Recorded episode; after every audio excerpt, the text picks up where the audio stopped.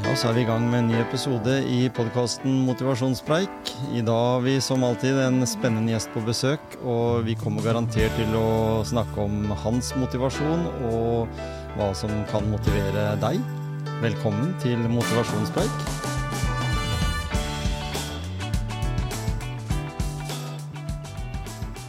Ja, og du kom inn i full fart, eh, Kurt Inge Dale. Det, eller Kurten, sier du? Er det sånn kallenavn du har? Eh, jeg husker jeg presenterte meg eh, for en, en gang. Så hadde jeg Kurten. Så ser han på meg og sier 'Hva er det for et navn?' Ja, ja. Ja, det er med EN på slutten. Ja, det er bergensk sleng. ja ikke sant? Så, så jeg har bare eh, beholdt det. Ja, for, for Bergen er sånn kallenavnby eh, by eller, eller distrikt. ja, I hvert fall sånn så eh, Når jeg presenterer meg, så sier jeg bare Kurten. Ja, ja. Eh, Det er helt naturlig for meg å si det. Så eh, da har det bare blitt sånn. ja. Og jeg vet mange fra fotballen som sier jeg hadde Tom Kjetil var et tungt navn, så de kalte meg bare for TK. Ja, ja. Jeg, har en, jeg, har en, jeg har en bror som heter Knut Bjørnar. Ja, Og eh, jeg har aldri brukt det navnet. Jo, nå brukte jeg det, da, men uh, vi kaller han bare Bunny. Oh, ja. ja, ja. Han klarte ikke å si navnet sitt, og så ble det Bunny. Så ble det Bunny, ja. Hvorfor? Og sånn var det var masse i fotball og hockey, vet jeg, og bandy og sånn. Hadde du mange sånne kallenavn. Ja, ja. Kula og Strengen og, og liksom eh, Fjompen og det var liksom sånn. I dag så vi, har vi et sånn krenkesamfunn, så vi tåler vel ikke å få sånne, sånne ting etter seg. I hvert fall ikke første som begynner med det. Men du er en 64-modell. Ja. Det, dette, er- det, eh, jeg har noen ganger tatt med dette med hva slags bil som var mye av, men det gikk jo mest boble på den tida der. Var det? Min mor hadde det. Ja, ikke sant? Alle har en eller annen Det barndomsminner eller noe Ved sånt. hattehylle bak hvor eh, hvem som skulle sitte bak, var en sånn evig krangel mellom tre brødre. Ikke sant? Det vil jeg tro. Ja, ja. var Det var ikke om å gjøre å sitte framme, det var om å gjøre å sitte bak i hattehyllen. Nemlig. Så du har vokst opp med tre eller to andre søsken? Gutter? Ja, jeg har eh, to eh, hele og to halve søsken, Ja, for å si det sånn. Mm. Nei, da har det vært mye. vet du, Da var jo Bobla ble jo aldri trang, men de kunne være litt dårlig plass. En onkel av meg hadde Mini-Morris. Mm -hmm. uh, til dags dato så skjønner jeg ikke hvordan vi fikk plass. For hvis folk ser for seg denne lille, knøttende små Mini-Morrisen Mhm. Er ikke de der Cooperne vi ser nå, de er jo gigantisk Ja, i forhold, store ja. i, i forhold. -hmm. Så var det, det var onkelen min, det var tanten min, det var mormoren min, det var to kusiner med mor og tre brødre Ja. i den bilen. Mhm. Prøv å forestille dere det. Og det er ikke tull engang. Og vi kjørte i hvert fall eh, to og en halv mil før vi skulle av, da. Men vi fikk plass. Og, da, og da snakker vi om den Mr. Bean eh, Ja, altså vi snakker om den eh, minste. Den bitte sant? lille. Men det var jo helt altså Vi skulle fra hytten, og vi skulle hjem, og de skulle hjem. Det var var jo sånn. Og da og det var bare onkelen min som hadde bil akkurat da. Ja. Sant? Og da var det å døtte alt du kunne inni der. Men jeg forstår ikke at vi fikk plass. Nei. Det var, sånn, det var jo ikke påbudt med sikkerhetsbelte, og det hadde de definitivt ikke gjort, for der var det å sitte på fang til Ja, fang. jeg har en mistanke om at uh, det var to på fanget framme og uh, tre på fanget bak. Ja, ikke sant? Nei, men det, det er spennende. Du- har vokst opp på Askøy. Askøy på utsiden av Bergen. Ja. Uh, Det er litt morsomt, fordi at det er, ja, det er faktisk eh, nå eh, eh, Bare noen uker til så skal jeg være så heldig å få møte den gamle gjengen jeg spilte fotball med. Ja, ja. Eh, og, da, og jeg har jo ikke sett de siden eh, Ja, det er jo Ja, ja. Det, det er lenge siden. ja Det var 19 år siste gangen vi spilte sammen. Sant? Og da, hadde, da har vi spilt sammen i 11 år. Ja. Og nå skal vi møtes for første gang, eh, eller i hvert fall jeg skal treffe dem for første gang på så mange år. Så spennende, da. Ja, det gleder jeg meg til. Var det, var det sånn farmerlag til Brann, eller? Der ute? Nei, eh, vi hadde jo sånn som Trygve Andersen. Han spilte for Brann. Han hadde vi som trener. Han var jo landslagsspiller. Ja.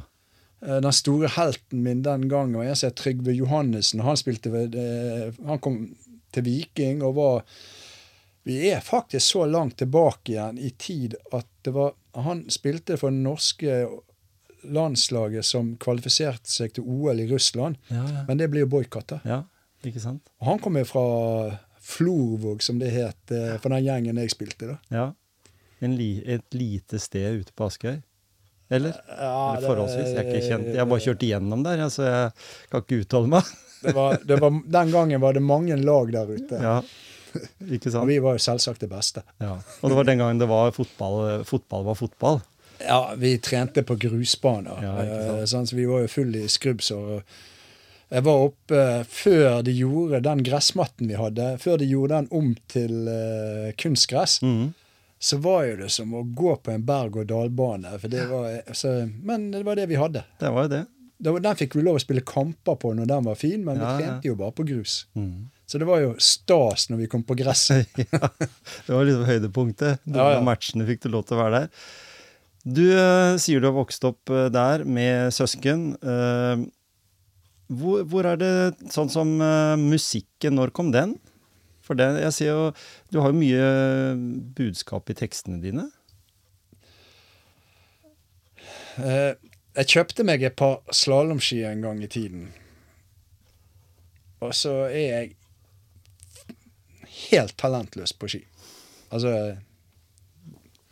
håpløs. Så hadde broren min kjøpt seg en gitar. Så kom jeg hjem etter å ha prøvd disse her forbaskede slalåmskiene. Så sier jeg til han kan ikke vi bare bytte. Du tar slalåmskien, og jeg tar gitaren. og dermed var vi i gang. Ja. Så jeg bytta vekk eh, slalåmskiene med minstebroren min. Mm. Selvfølgelig eh, had, brukte jo han gitaren òg, men den ble jo min. ja. Og da, da begynte jeg å lære meg eh, disse her eh, enkle grepene, og så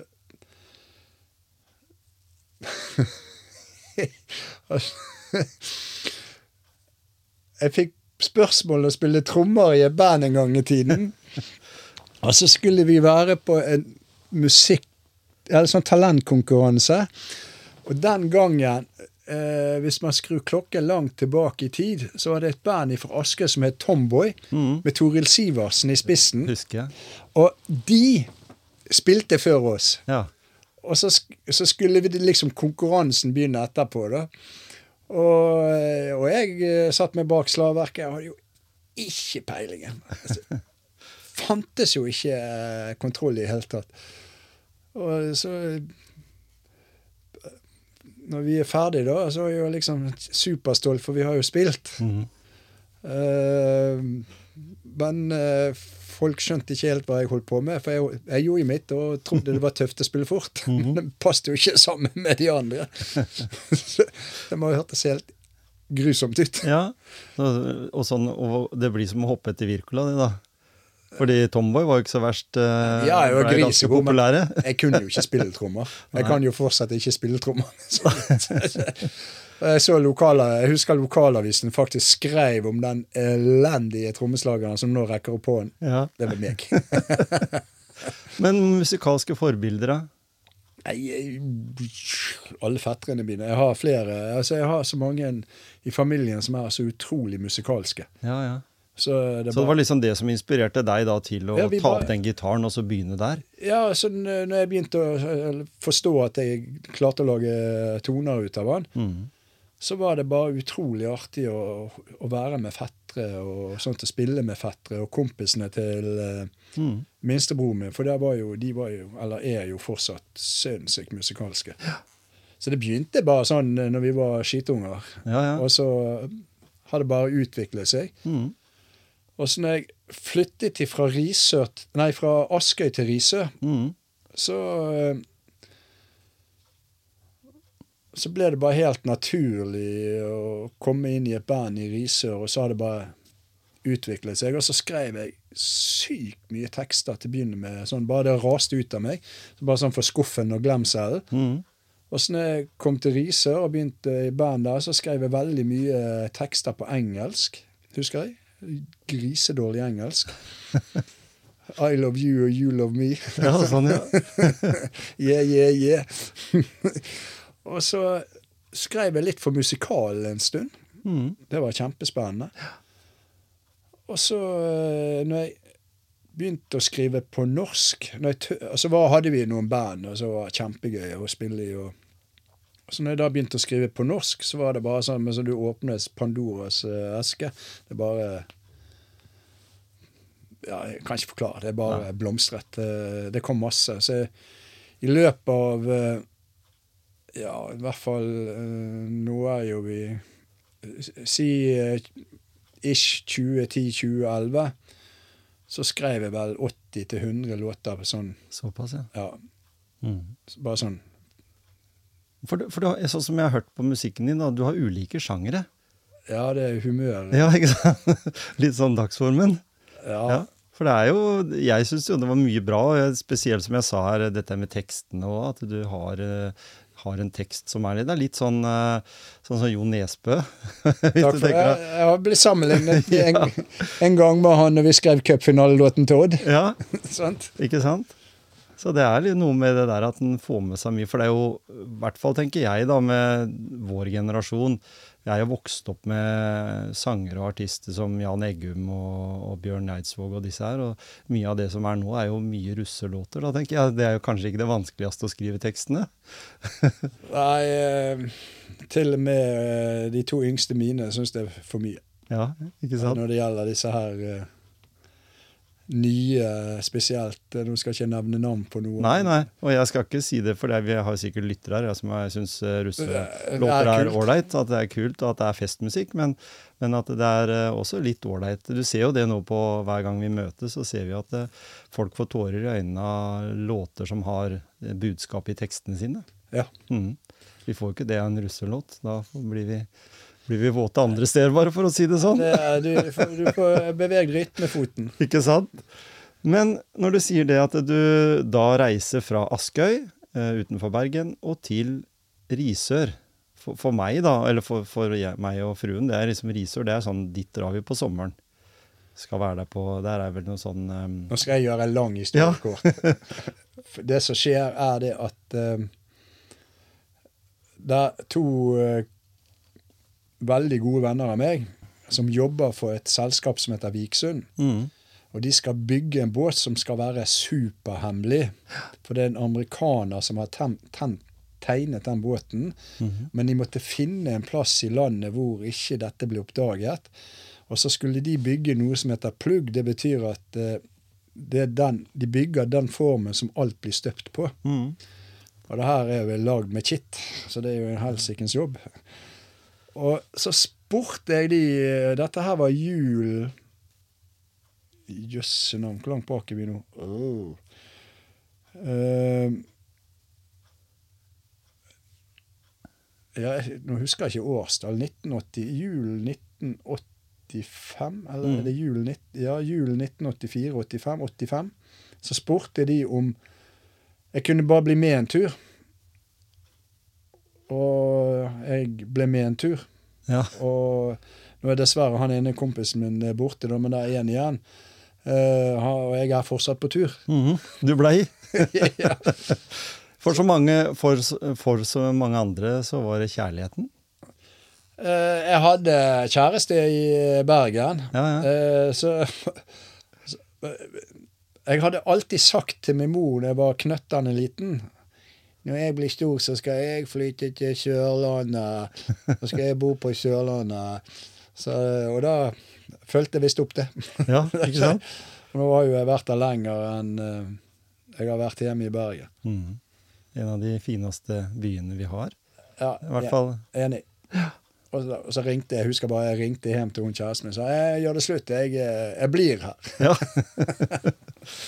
Og da eh, må jeg jo spørre, eh, du har jo lang fartstid innenfor eh, media, altså innenfor NRK-systemet. Siden 96, eh, fant jeg ut. Eh, Gikk du noe utdannelse der nede, eller hva har du gjort for å bli den du er? Det På grunn av musikken Mhm. så var jeg opptatt òg av teknikk. Ja. Og i 1987 så kommer det en kar til meg og så spør uh, Hallei, Kurten, har du lyst til å være med og lage uh, Milkfest-radio? Ja, uh, og da skulle det være en Milkfestival i Risør. ja. Uh, og da hadde de planlagt å leie inn en liten campingvogn med én watt sender Mhm. for å lage festivalradio, da. Og jeg sa ja, jeg kan være med. Og så var det bare vanvittig gøy. Ja, ikke sant? Eh, de 14 dagene der, det var liksom, vi svevde på en sky. Vi var jo med på alt. og intervjuet. Jeg hadde jo aldri intervjua et menneske i hele Nei, mitt liv. Eh, og plutselig så var det liksom I helsike, hvor lett dette her var. Det er jo bare å spørre masse dumt, og de svarer. Ja, ja. Og så var det sånn, Jeg husker det var eh, en eh, NRK-mann der som var med som arrangør. Og han ga meg veldig mye råd og tips i hvordan jeg kunne tenke når jeg snakka med folk. da. Så jeg var jo kjempeheldig. Pluss at de eh, par av de eh, jeg, var, hadde, jeg jobbet med, de eh, var ekstremt dyktige. Mm. Altså, det var folk som hadde peilinger. Så, så Så- fra enkel radio, det var der det begynte. Og det var jo en watt! Ja, ikke sant? Og på, og på den tida der, hvis du snakker om 80-tallet, det var jo da radioen på en måte Sånn som vi sitter her nå i podkast, så er jo podkast det som radio var på 80-tallet, Ja. egentlig. Og du kan tenke deg, Det som skjedde ut ifra den sommeren der, da, så ble noe som heter Radio Risør stiftet. Mm. Eh, og det ble en regionsradio for eh, Risør og Gjerstad. Ja. Så vi fikk jo et veldig sånn stort nedslagsfelt. For vi måtte jo ha vatt nok til å kunne sende over fjellene opp til Gjerstad. Ikke sant? Og da var jo Alle hørte jo på oss. Mm. Eh, og da tok jeg eh, eh, sånn brevkurs eh, for media. Så jeg hadde jo skole samtidig som jeg eh, lærte meg både teknikk og snakke med folk og Mm. intervjue folk. og vet, vi, vi gjorde jo ikke annet, for det var jo så gøy. Ja. Og det var jo kjempespennende tid. Mm. Det vil jeg tro. Og du lærte jo for hver eneste gang. Og som du sier, en kunne jo fint bare ha seg noen sånne forbilder. Hadde du noen forbilder fra den, den bransjen? Som du husker at du syntes at «Ah, han var kult å høre på, eller hun, eller I dag har P2 et program som går på ettermiddagen. Mm. Og han ene programlederen der heter Jakob Arvola. Ja. Han kan du ringe og så spør om han husker Risør. ja. For, han, for vi jobber sammen uh, i Risør, for han hadde kjæreste der nede. Ja. Han er jo nordlending. ja ikke sant? han snakker rolig nordlending. Så, og, og Jakob uh, lærte meg mye. Pluss uh, en som òg bodde i Risør. Han hadde vært programleder for Trafikkradioen. Og den gangen så var jo Trafikkradioen kjempepopulær. Ja, ja. Så jeg hadde jo NRK-gutter som virkelig hadde peilingen på journalistikk som lærere. Mm. Og da, da benytter jo man seg av det. ja, ikke sant? Sant? Og, det, det er, du er nysgjerrig, sånn at du på en Ja, ja. måte tar tedd av den uh, kunnskapen. Og du er jo fortsatt der, kanskje? Ja, Så man spør jo, og ja, man slutter aldri å lære. Nei, ikke sant? Nei, aldri. Hva, hva skjer med oss da, hvis vi sier at uh, Er vi mett av dage, da? Når vi sier at Da eh, kan du gå i pennalhus. Ja, ikke sant? for, for det som skjer, det er jo at du, og det har sikkert mange lest òg, at du øh, var jo øh, plutselig så Jeg leste en overskrift.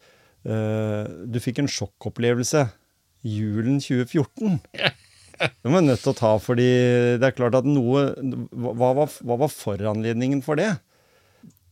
Du veide litt for mye, vet jeg, men det må jo ha vært fokuset ditt har vært litt annerledes enn akkurat på det du da begir deg inn på.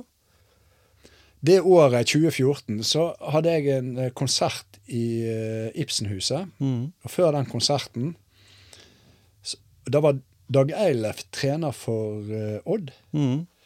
Uh, og så spurte jeg han om dette, for da kjørte han en sånn spesiell greie på de her spillerne. De skulle bare spise sånn og fordi at de skulle holde vekt og greier. Så, så jeg startet jo uh, da med For av konserten så jeg var svær. Jeg veide nok kilo. Så av den konserten fant jeg ut for at jeg skulle orke å holde ut et par timer på en scene, så må jeg slanke meg. Så jeg fulgte det matrådet Dag Eilif da kjørte for uh, de Odd-spillerne. Mm. Men med en gang jeg var ferdig med konserten, så gikk jeg tilbake igjen til normalen. Og så Den gangen så jobbet jeg med en fantastisk heldig kollega som var megastorspiser, som jeg ble òg. Og meg og han vi kappjospiste jo hvem som kunne ete flest hotdogger. Ja, ja. Så hvis det var pølsefest på jobb, så Hvor mange har du spist? Jeg har spist ti. Jeg, jeg, nå skal klare elleve. Men, men var det sånn også at det var lettvint? Og da ble du stor. Ja, ikke sant? Og var det lettvint på veien i og med at du var pendler òg, eller at du Hele greia. Vi, vi, Ikke sant? vi har jo alltid kjørt mye. Og når du blir sulten, så går du inn og kjøper deg en hamburger. Ja. Altså, eh, nå, Det uttrykket jeg bruker nå, det er i anførselstegn. Eh, Jeg kaller det nå grisemat. Mm. Så vi stoppet jo og spiste grisemat. Ja. Og det endte jo opp med at eh, den julen 2014, når jeg gikk på vekten og ikke så hva som hang under der, og jeg så gikk på do med, så fikk jo jeg sjokk. ja. Eh, for det at jeg, har, jeg, jeg tenkte aldri på det. Jo, det var en lege sa til meg en gang 'Kurt, du begynner å bli feit'. Og da kjeik jeg på han i helsike, du fastlegen min, hvordan kan du si noe sånt? Jeg er ikke feit. Men i julen 2014, da Da så jeg det. Ja, ikke det men det som er interessant, som, som er jeg har, Hvert år så har jeg noe som heter Julia i Risør. Mm. Og, og det er sånn innsamlingsaksjon hvor uh, alle pengene går til uh, Frelsesarmeen, som kjøper julegaver til barn som ikke har råd. Ja.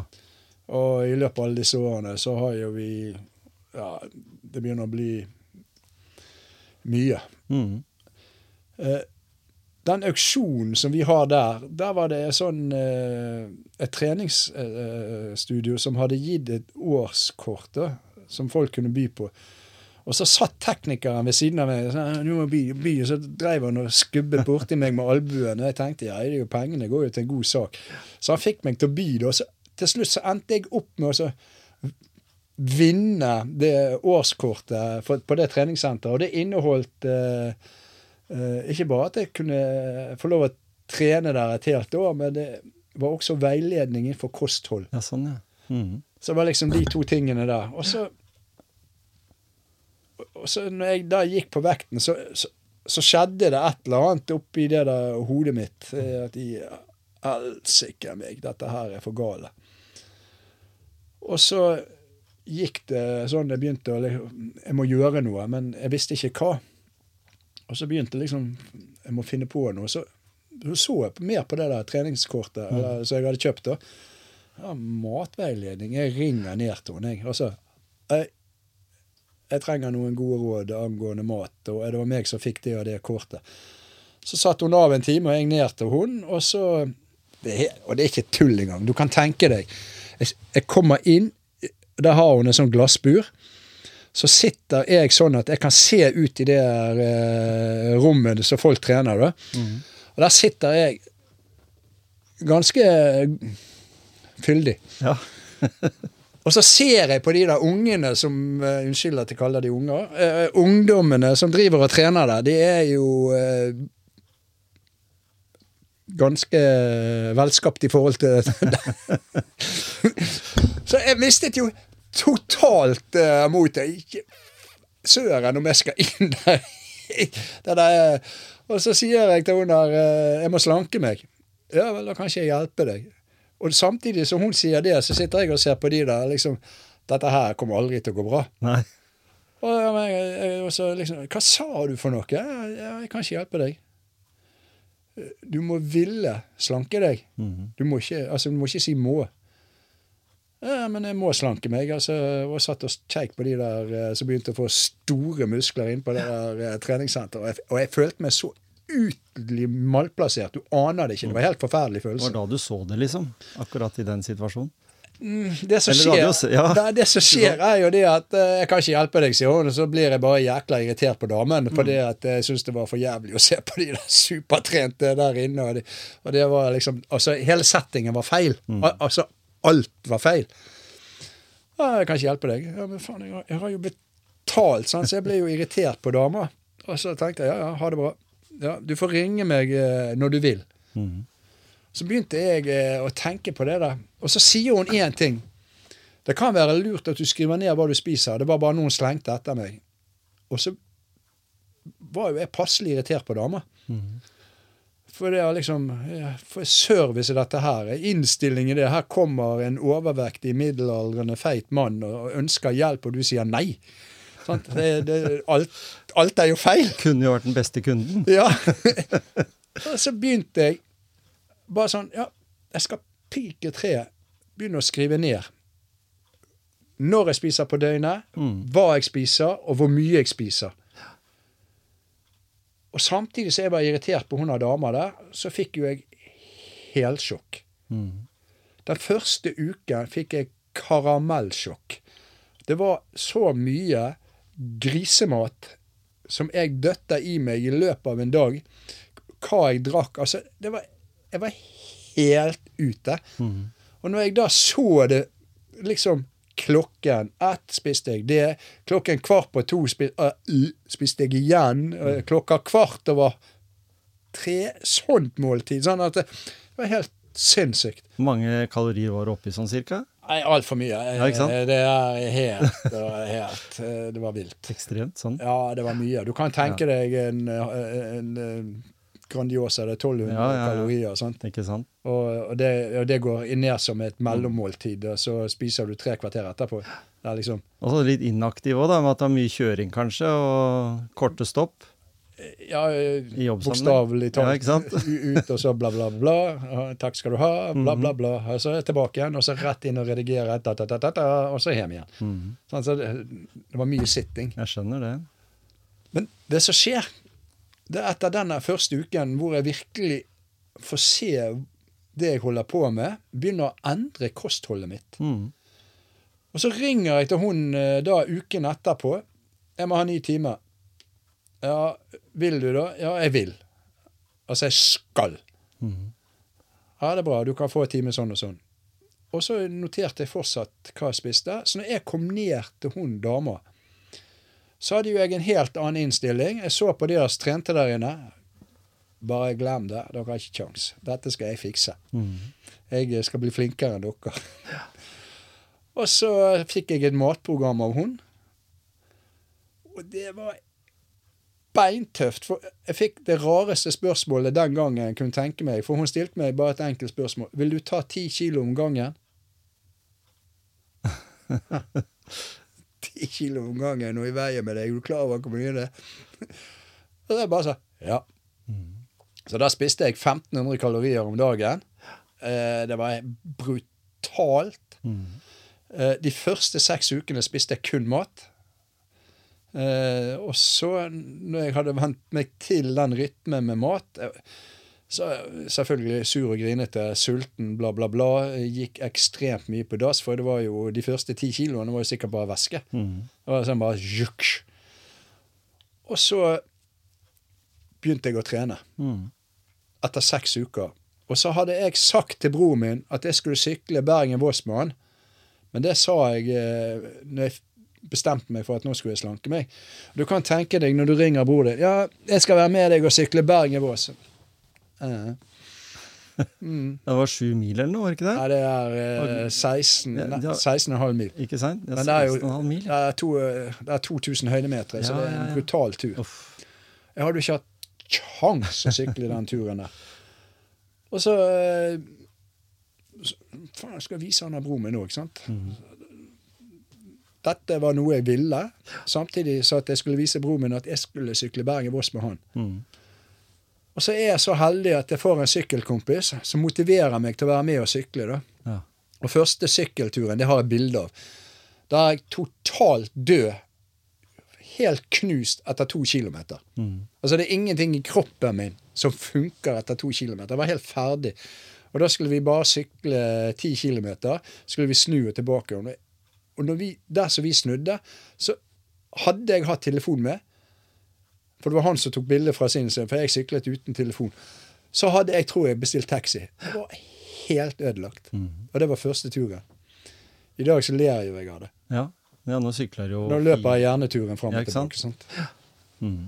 Og så lø- og så sykler du fire, over fire mil, eller fire mil i timen, eller noe sånt? Er det ikke det?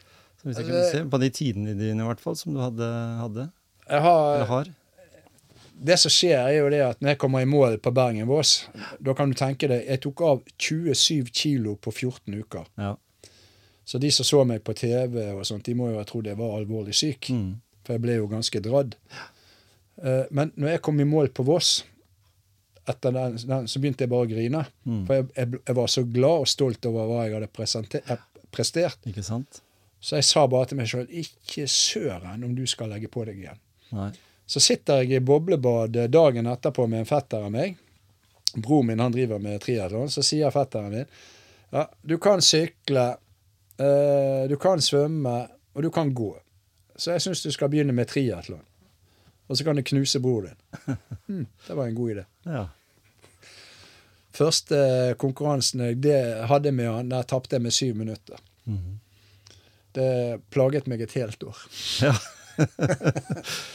Men når, du, når du da snakker om triatlon, så er jo syv minutter er jo ikke mye, da, i og med at en, eh, en kan tenke at en skal gjennom tre grener. Men, men allikevel, du, du må ha en sånn snev av konkurranseinstinkt i deg? Nei. Ikke? Nei. uh, jeg konkurrerer mot meg sjøl. Mm. Fordi at når jeg kom i mål på Voss og bestemte meg for den reisen og alt det det krevde å komme dit og passere den målstreken etter over ni timer på sykkelsete Ræven var så vond at det gikk ikke Altså, det å prøve å gå på do var jo nesten helt Det var så Ja, det var fryktelig smerter i Det kan bakenden. jeg tenke meg. Og beina var jo så mørbanka at eh, på veien så måtte jeg få hjelp av Røde Kors til å løsne opp leggene mine, for jeg var, helt, jeg var veldig sliten. Men jeg klarte det, og det var det som var greien, at jeg skulle klare det. Mm. Og da, skulle, da bestemte jeg meg for jeg skal aldri tilbake igjen til uh, gamle Kurt. Når jeg ser bilder av meg sjøl, så er det liksom Oi. Mm. men, så så der, der fikk du på en måte en skikkelig dreis på motivasjonen din, da. Ja, du visste du, ja. liksom, det der der, det har jeg lagt bak meg. Ja. Eh, hva tenker du at eh, det kan Hva er det enkleste å si til eh, lytterne våre, da, som står i den samme situasjonen, ser seg sjøl i speilen, ikke er fornøyd? Du gjorde jo ditt valg og gikk igjennom det programmet. Er det, er det sunt at du begynner først å satse på å spise mindre, og ikke trene samtidig? For det har jo litt med energinivå òg. Jeg gjorde det. Mm. Jeg valgte den løsningen, og det er jeg glad for. Ja. Fordi da, da hadde jeg fokus på én ting, Mm. og det var maten. For det er maten som gjør at du tar av kiloene. sant? Ikke sant? Eh, Trening gir jo ikke det. Nei, ikke på har samme, ikke samme måte. effekten. Det har ikke, det har ikke samme effekten. Så de seks ukene Mm. brukte jeg på å lære meg rytmen i å spise, Mm. eh, og venne meg til den maten. Altså, det var jo helt grusomt. Eh, jeg likte jo ikke havregrøt. Nei, nei. Eh, det er jo litt flaut. jeg kan hviske det. Jeg hadde ikke spist så mye salat. Så du hoppa over salaten, ja. Mm. Du hadde ikke fulgt tallerkenmodellen? Nei, du vet hva det er Altså, det er Jeg glemmer aldri trynet på eksen. Når jeg, når jeg står der Ja, det står at jeg skal lage salat. eh, Hva inneholder det? Ja.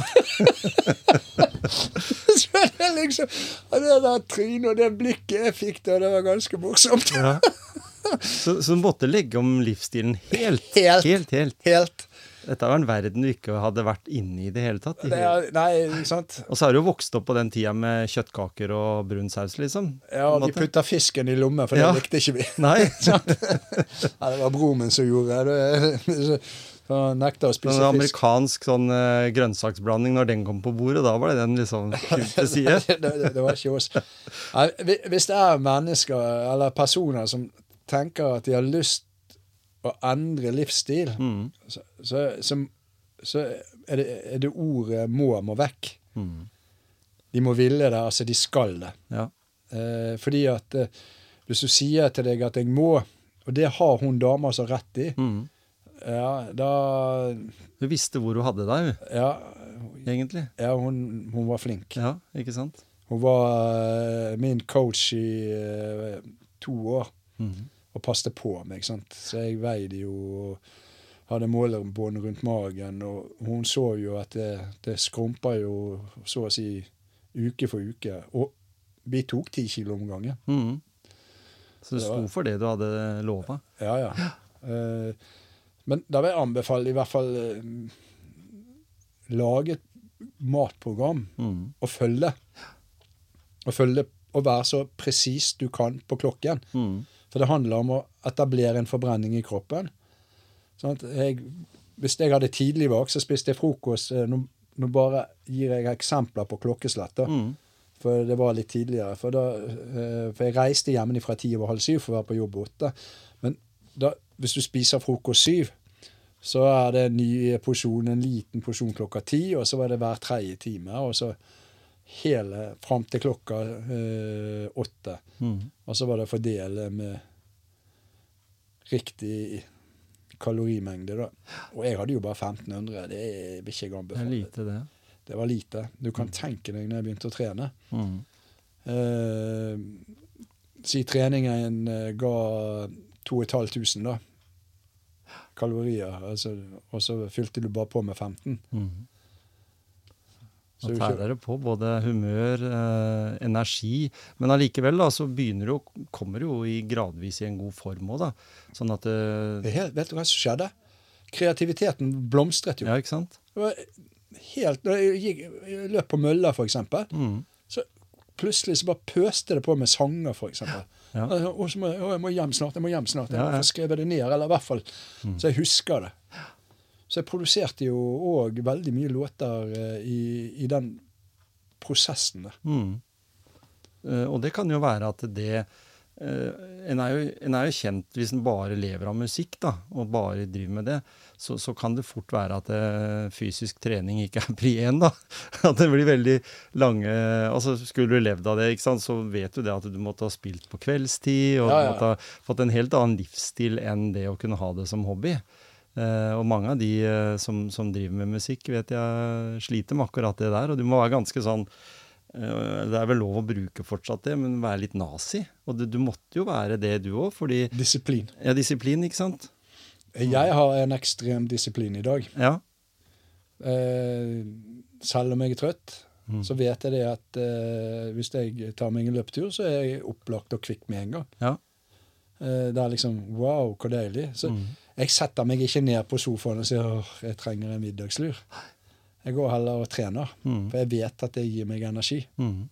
Så kommer jeg over den der eh, trøttheten. Og så kan du kjøre forbi Circle K og Lasses og alle disse her eh, på veien, da, uten at du har lyst til å stoppe der. Eller? Jeg kan stoppe hvis jeg må på toalettet, Ja, ja, ikke sant? men jeg kjøper ikke eh, det jeg gjorde eh, tidligere. Men nå trener jeg ganske jevnt mye allerede Mm. i dag, så jeg kan tillate meg en bolle. ikke sant? Altså, jeg vet det at den forsvinner klokka seks i ettermiddag, for Mm. da skal jeg ha to timer sånn og sånn. Mm. Og, du, og da, da snakker du om eh, belønning, for det er viktig å gi seg sjøl litt belønning òg.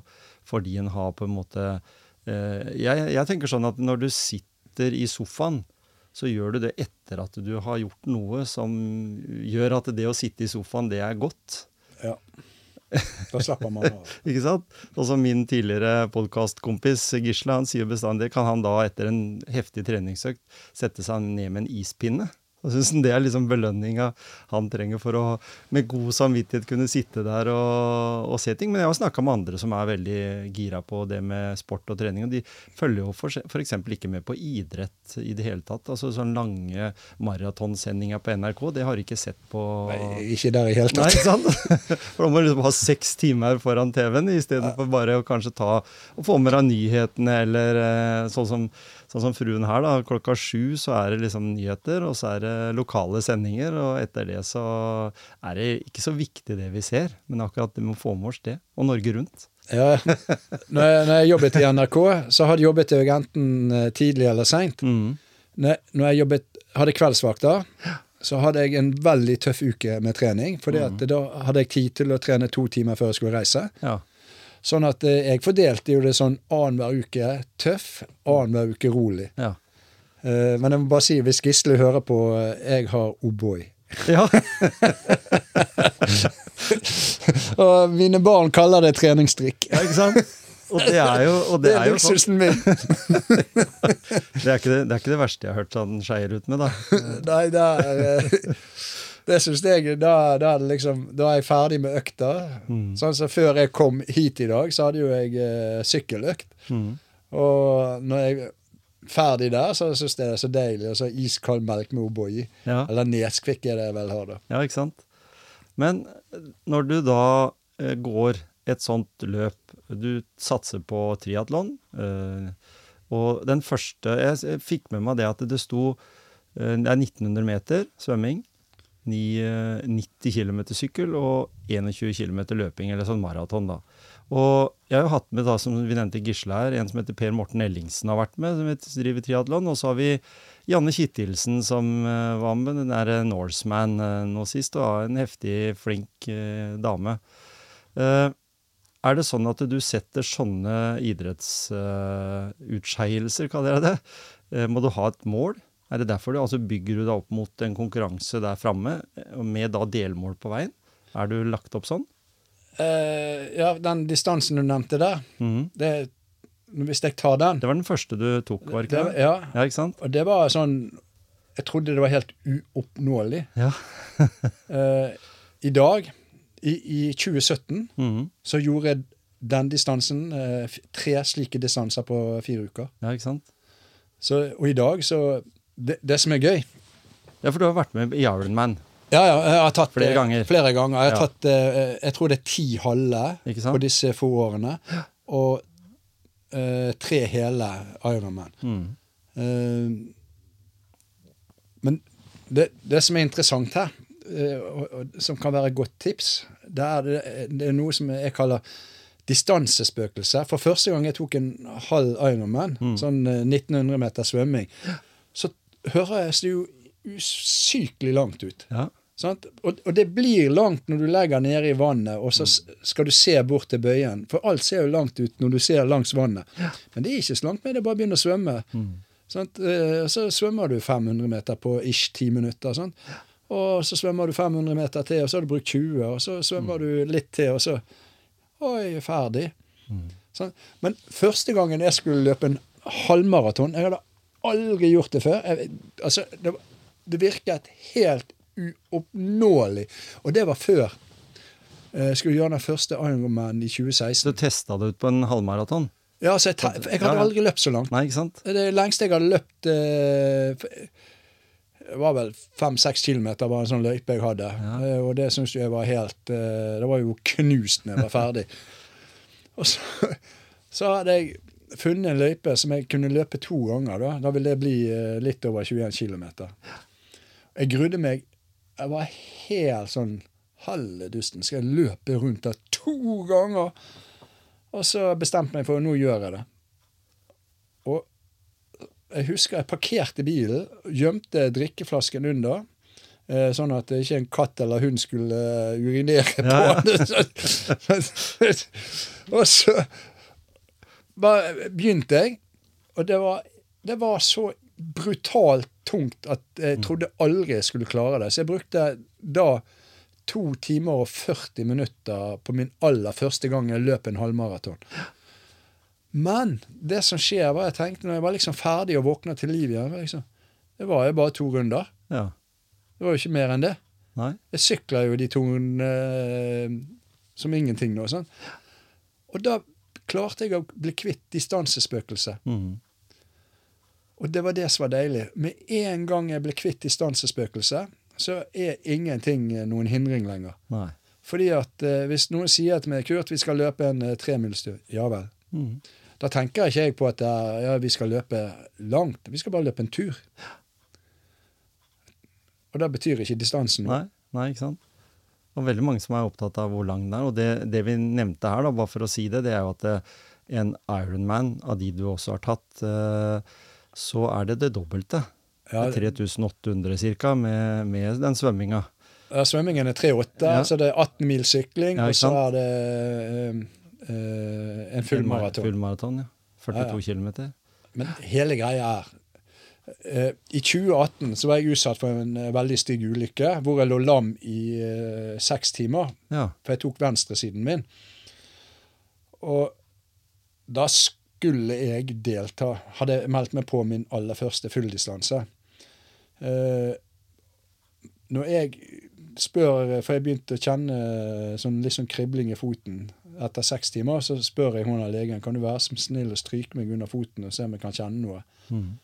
Og når jeg fikk den, kjente at hun var der, så fikk jeg bare denne jeg er påmeldt en Ironman. Jeg skal klare det. Ja. Og det begynte med allerede Jeg var jo overlykkelig for at jeg ikke var lam. Var jo, Ja, ja, jeg lå jo lam i seks timer. Og det som skjer da, det er det at jeg kan jo ikke gå eller noe som helst. eh, Men seks uker før den fulldistansen så fikk jeg lov å begynne å bevege meg sånn skikkelig. Og da klarte jeg å gå i 20 minutter. Mhm. Men hele tiden hadde jeg sagt til meg, sagt til meg sjøl dette skal jeg. Altså jeg skal. Ikke må, men jeg skal. Legene sa jeg fikk ikke lov å svømme. Jeg kunne bare glemme, for armen var jo eh, helt kaputski. Mm. Men eh, som jeg sa til han, jeg bryr meg ikke hva du sier, det er hva jeg skal, som er viktigste her. Og, det, og jeg husker den siste legetimen jeg hadde før jeg skulle reise til Kalmar, var det at du må ikke svømme. Og jeg liksom Ha det bra, vi snakkes når jeg kommer tilbake igjen. Mm. Og det som skjer, er at jeg stiller på start på den Ironmanen og har bestemt meg for følgende. Klarer jeg svømmingen, så setter jeg meg på sykkelen. Klarer jeg syklingen, så starter jeg på løpingen. Så ser vi hvordan det går. Men jeg var jo livende redd for at folk skulle sparke meg i venstresiden på øh, øh, Fordi at eh, hadde de truffet den siden med et bein eller noe, Ja. så hadde jo turen vært over før den hadde vært begynt. Mm. Så jeg svømte jo den eh, 3800 meteren med én arm. Ja. Det var bare pokker snuff, for den andre virket jo ikke. Mm. Og legen hadde jo òg sagt at det fikk jeg ikke lov til. Så, så da, men hele greien er at jeg sa hele tiden at jeg skal. Og det gjelder òg når det handler om å motivere seg sjøl. Mm. Man må ikke, men man med en gang sier 'skal', Mhm. Så er man mer på. Det funka for meg, i Ja, hvert ikke fall. sant? At det er så, og det der at også må man jo ha eh, en sånn stayer i seg òg. Man må være litt terrier. Altså sånn 'Dette her vil, vil jeg ville'. Altså jeg må Altså, jeg skal, som du sier eh, Dette Jeg vil levere. um, Og som du sier, du konkurrerer jo egentlig i utgangspunktet Med med deg sjøl. Ja, Med med det indre deg. Ja, altså, det er bare hodet ditt som stopper Ja. deg. sant?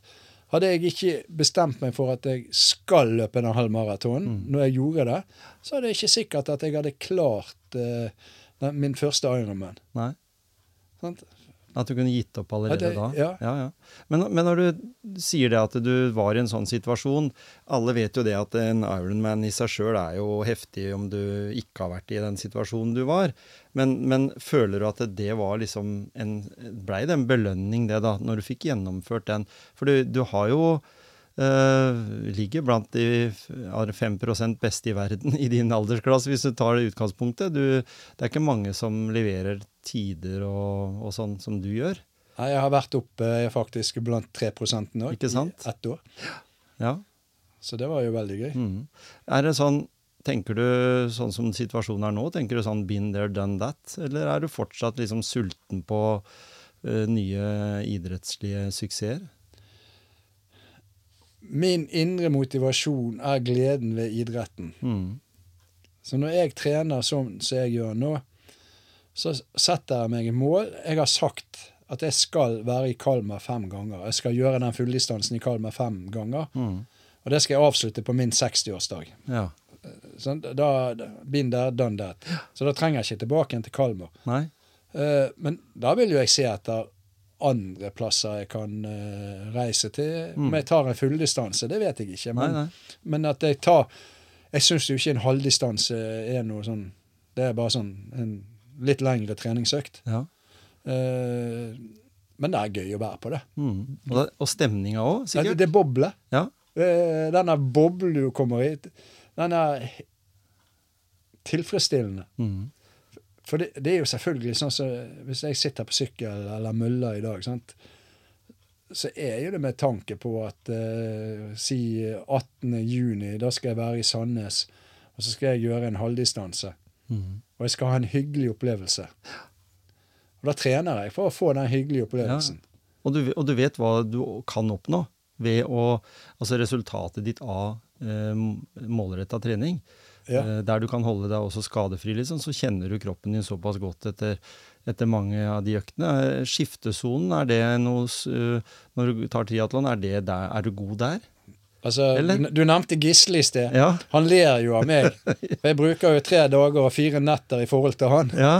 ja, for der er han veldig nøye. Han, han, han, han er jo sånn Dette skal gjøres unna på minst mulig tid. Mm. Eh, ja, hvis jeg kan kutte ned tiden eh, si med eh, fire-fem minutter, så er jo det en eh, Så utgjorde det nesten en kilometer for meg på løpingen. Ja, Sånn, så det, og det er jo én kilometer mindre å løpe i tid. ikke sant? Så, så, så jeg skjønner jo Gisle. Mm. Men eh, i 2018 så syntes jeg det var gøy å si å, jeg må ha gode tider. Ja. Eh, I 2019 så Ja, det er OK med gode tider. Eh, nå i 2022 så er det gøy å være med. ja, ikke sant? Sant? Og det er jo, og det er jo ikke, det er jo ikke gitt at den, gjen, at en, fullfører heller, for det er mange som starter der som ikke kommer videre pga. at de blir tatt ut. Altså, du, Ja, ja. Det er ikke sånn ubegrensa at du kan liksom bruke fire dager på det og to dager på det, liksom. Nei da, jeg, altså, jeg er jo nå Jeg, jeg, jeg, jeg er så ivrig i idretten at eh, jeg òg er eh, hoveddommer og sånt under norgesmesterskap. Og, Ja. eh, eh, og jeg var jo dommer i f.eks. under norgesmesterskap i halvdistanse, eller fulldistanse, som det heter i Triatlonforbundet, da, i, Mm. i Sandnes. Og da var det 1900 meter svømming, og vi tok ut tolv stykker som ikke klarte cutting time. Ja. Altså, eh, de brukte for lang tid. Mhm. Og det, synes, altså, det er fryktelig trist når du ser eh, du må ta de ut. Og tolv stykker, det er mye. Ja. Og når er de står og griner og er fryktelig lei seg fordi at de, de ikke har klart svømmingen, Nei, er, og, og du vet de har jobbet for dette Ja. Og så kanskje var de veldig gode på sykling og løping, men de var dårligst på De var dårligst på svømming, for eksempel. Men Ja. i Sandnes er det en svak motstrøm pga. elven. Mm. Sånn at uh, det er litt tyngre å svømme den siste strekket. strekken. Mhm. For du svømmer liksom med strømmen først, og så skal du opp igjen. Og det er klart, eh, er du ikke god å svømme da, så, eh, så butter det litt imot. Ja, og det, jeg så akkurat en dokumentar faktisk som går på Netflix nå, om mennesker og at det, sånn prestasjoner, at det med smerte og, og, og sånn er viktig for å, å gjøre. Og da var det noen som løp i Sahara. Og hun ene der hadde jo til og med amputert beinet fra kne og ned og løp med sånn protese. Ja, ja. Men hun fikk så kramper hun leggene på slutten der at eh, hun Og der var det sånn eh, Der som dere tar ut de tolv, da, så var det sånn at hvis du ikke greide å være foran kamelene Så kom det en kar med to kameler, og når den, de var gått forbi, og du satt der og ikke kom videre, ja, så var du ute av løpet. Ja. Så det var egentlig ganske enkelt, eh, en enkel løsning der. Hun, hun røyket hun også, men allikevel, det var jo en vanvittig prestasjon å løpe seks eh, maratoner eh, på seks dager, eller hva det var Ja, for noe. helt altså, de, de, er- de er jo syke. Ja. Tenk å bare duppa, duppa nedi Ja, jeg vil jo si at det var mange der som eh, kanskje ikke hadde forutsetning for det, men de kjempa hardt. Jeg eh, tenker at du Vi må si litt om Du har starta et nytt firma. Ja. Du driver innen det du har drevet med i mange år, innen media. Der er det jo veldig mange som trenger å lære I og med at du er en, en eh, flink fyr på, på mange områder og nysgjerrig og interessert i å utvikle også, så er det mange ting du kan bidra med i disse medieverdens i dag, enten via sosiale medier eller YouTube-kanaler, TV osv. Hva har du å si om det? Altså, nå er jo det sånn en veldig vanskelig periode. Veldig mange eh, blir permitterte. Det er mange som mister jobben. Bedriftene sliter med økonomien. Så det, man kan jo si det at det er, det er, det er tøft å hoppe av en eh, jobb Ja. og så begynne for seg sjøl nå. Mm. Men jeg har vært så veldig heldig at jeg har en veldig bra og fantastisk god kunde mm. som eh, jeg gir råd til. Og Så jeg er jo ikke akkurat Jeg starter ikke arbeidsledig, Nei, ikke sant? så, så jeg har allerede en eh, kunde som jeg stortrives å jobbe med. Mm. Uh, og, og det er så spennende, for hver dag er noe nytt. Ja. Uh, og det jeg gjør, er jo bare gi råd. Mm. Uh, og, og faglige råd. Og så har vi sett at det har blitt positive resultater. Mm. Og når du ser de positive resultatene, så er det liksom eh, ja, Det er som å få en karamell. Ja. Altså, det, det gjør godt. Mm. Og, nå, og nå er det jo med å bygge opp en bedrift sjøl. Ja, I tidligere så har du jo brukt mange år på å bygge opp en bedrift som på en måte blir litt sånn eh, sånn som Equinor på oljefronten. liksom. Var et svært eh, system med, med mange mennesker. Eh, Du føler kanskje litt mer på kroppen ditt, dine egne resultater nå, da, eller? Jeg ser resultatene. Jeg kan jeg blir målt hver dag. Ja, ikke sant? Og, og det er jeg jo ikke jeg redd for. Nei? Eh, det, det jeg syns er deilig Jeg har pendla sykt mye. Mm. Jeg har brukt ekstremt mye tid i bil. Uh, og jeg, jeg begynner å nærme meg eh, 60. Mm. Og eh, ja, det var lettere for 20 år siden. Ja, ikke sant? Uh, det var lettere for 10 år siden.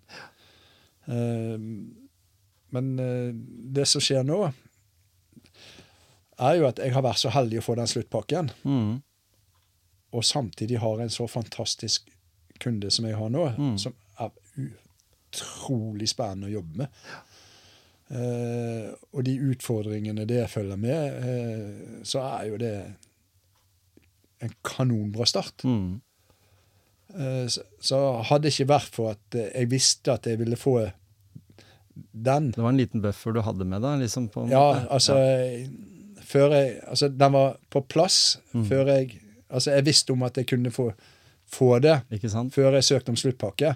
For jeg hadde da snakket med dem. Mm.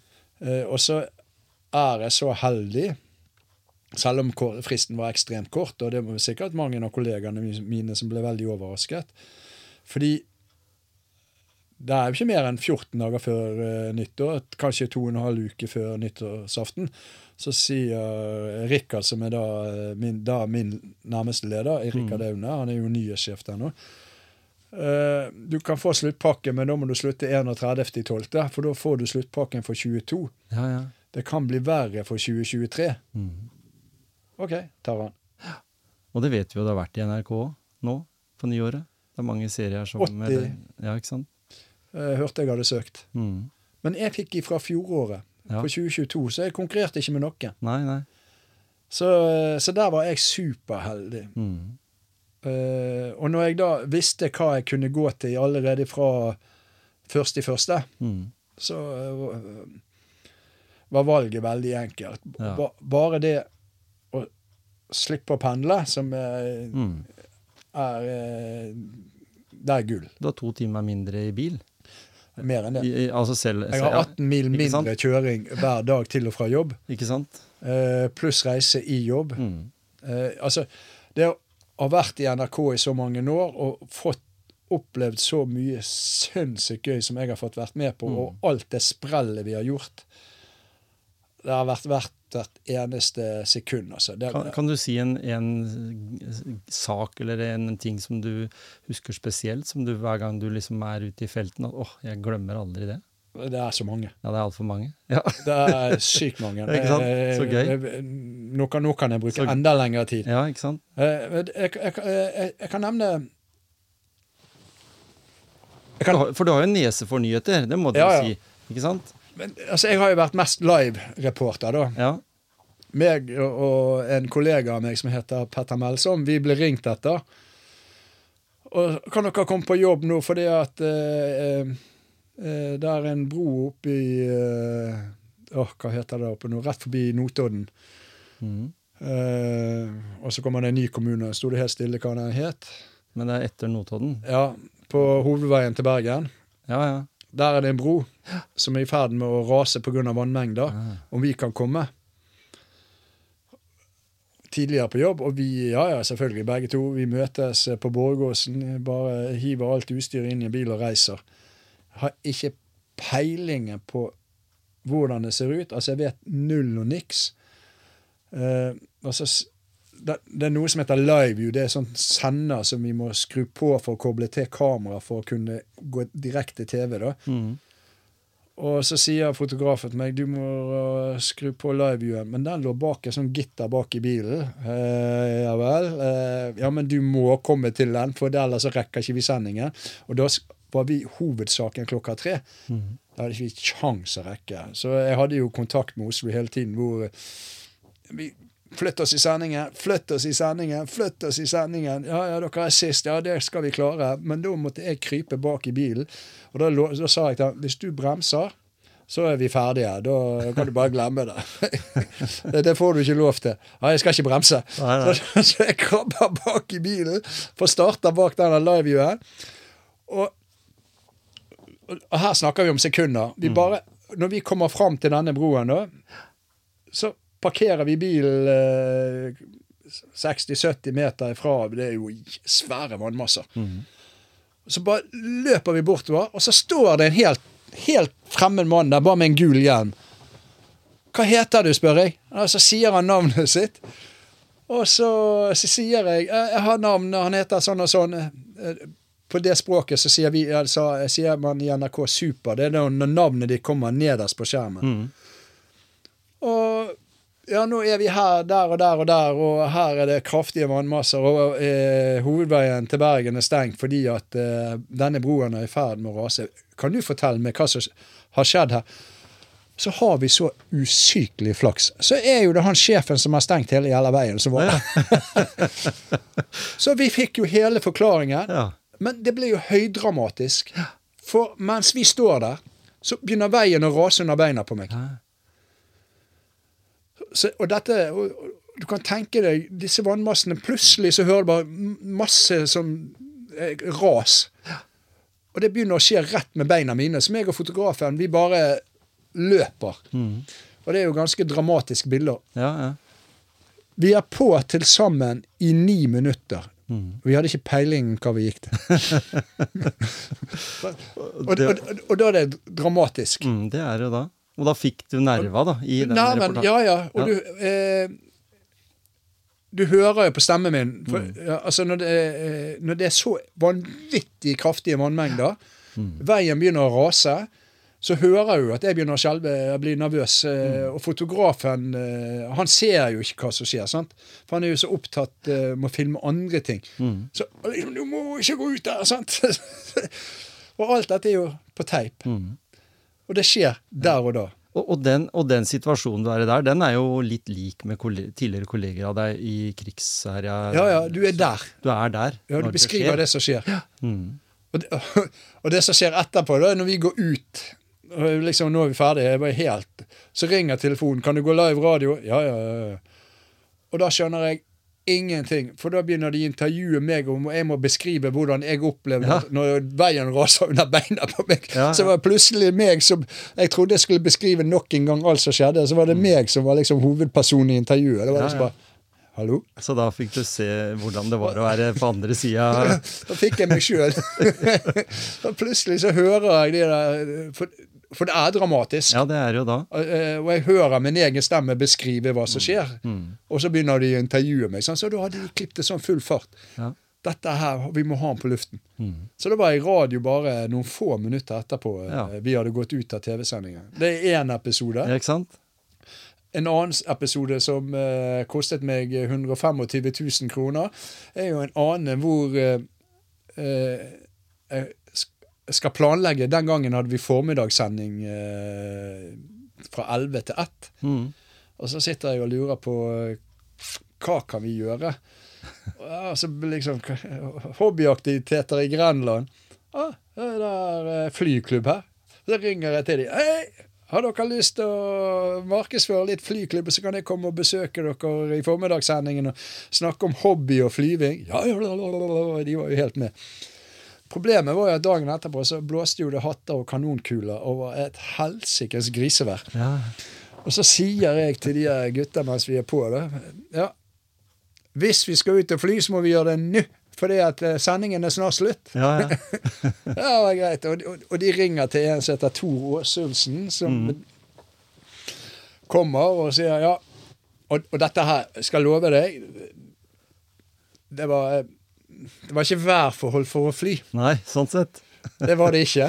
Eh, Men Thor er jo en pilot som eh, behersker mye. Så de ringte til han, for han kunne fly i det været. Og meg og han går, og jeg da har jeg senderen på magen, og vi går live. Og jeg får jo adrenalinkick. Og jeg blir jo fortalt i ettertid òg at eh, folk hadde stoppet langs veien, for det hørtes så spennende ut. For vi ble jo slengt veggimellom. Så jeg skjønte jo ikke hvor farlig det var. For nå har jo jeg Jeg skal fortelle etterpå. men Ja. jeg- jeg får så adrenalinkick, du aner det ikke. Så når vi lander det der flyet etter å ha blitt slengt som sånne sånn pingpongball eh, alle veier, så sitter jeg og synger I am flying! jeg helt Altså, jeg har så adrenalin at det går ikke an å forklare det. Altså, jeg er bare Nei, nei. Altså, jeg er høy. ja. Var, men jeg visste jo ikke hvor farlig det var. Nei, ikke sant?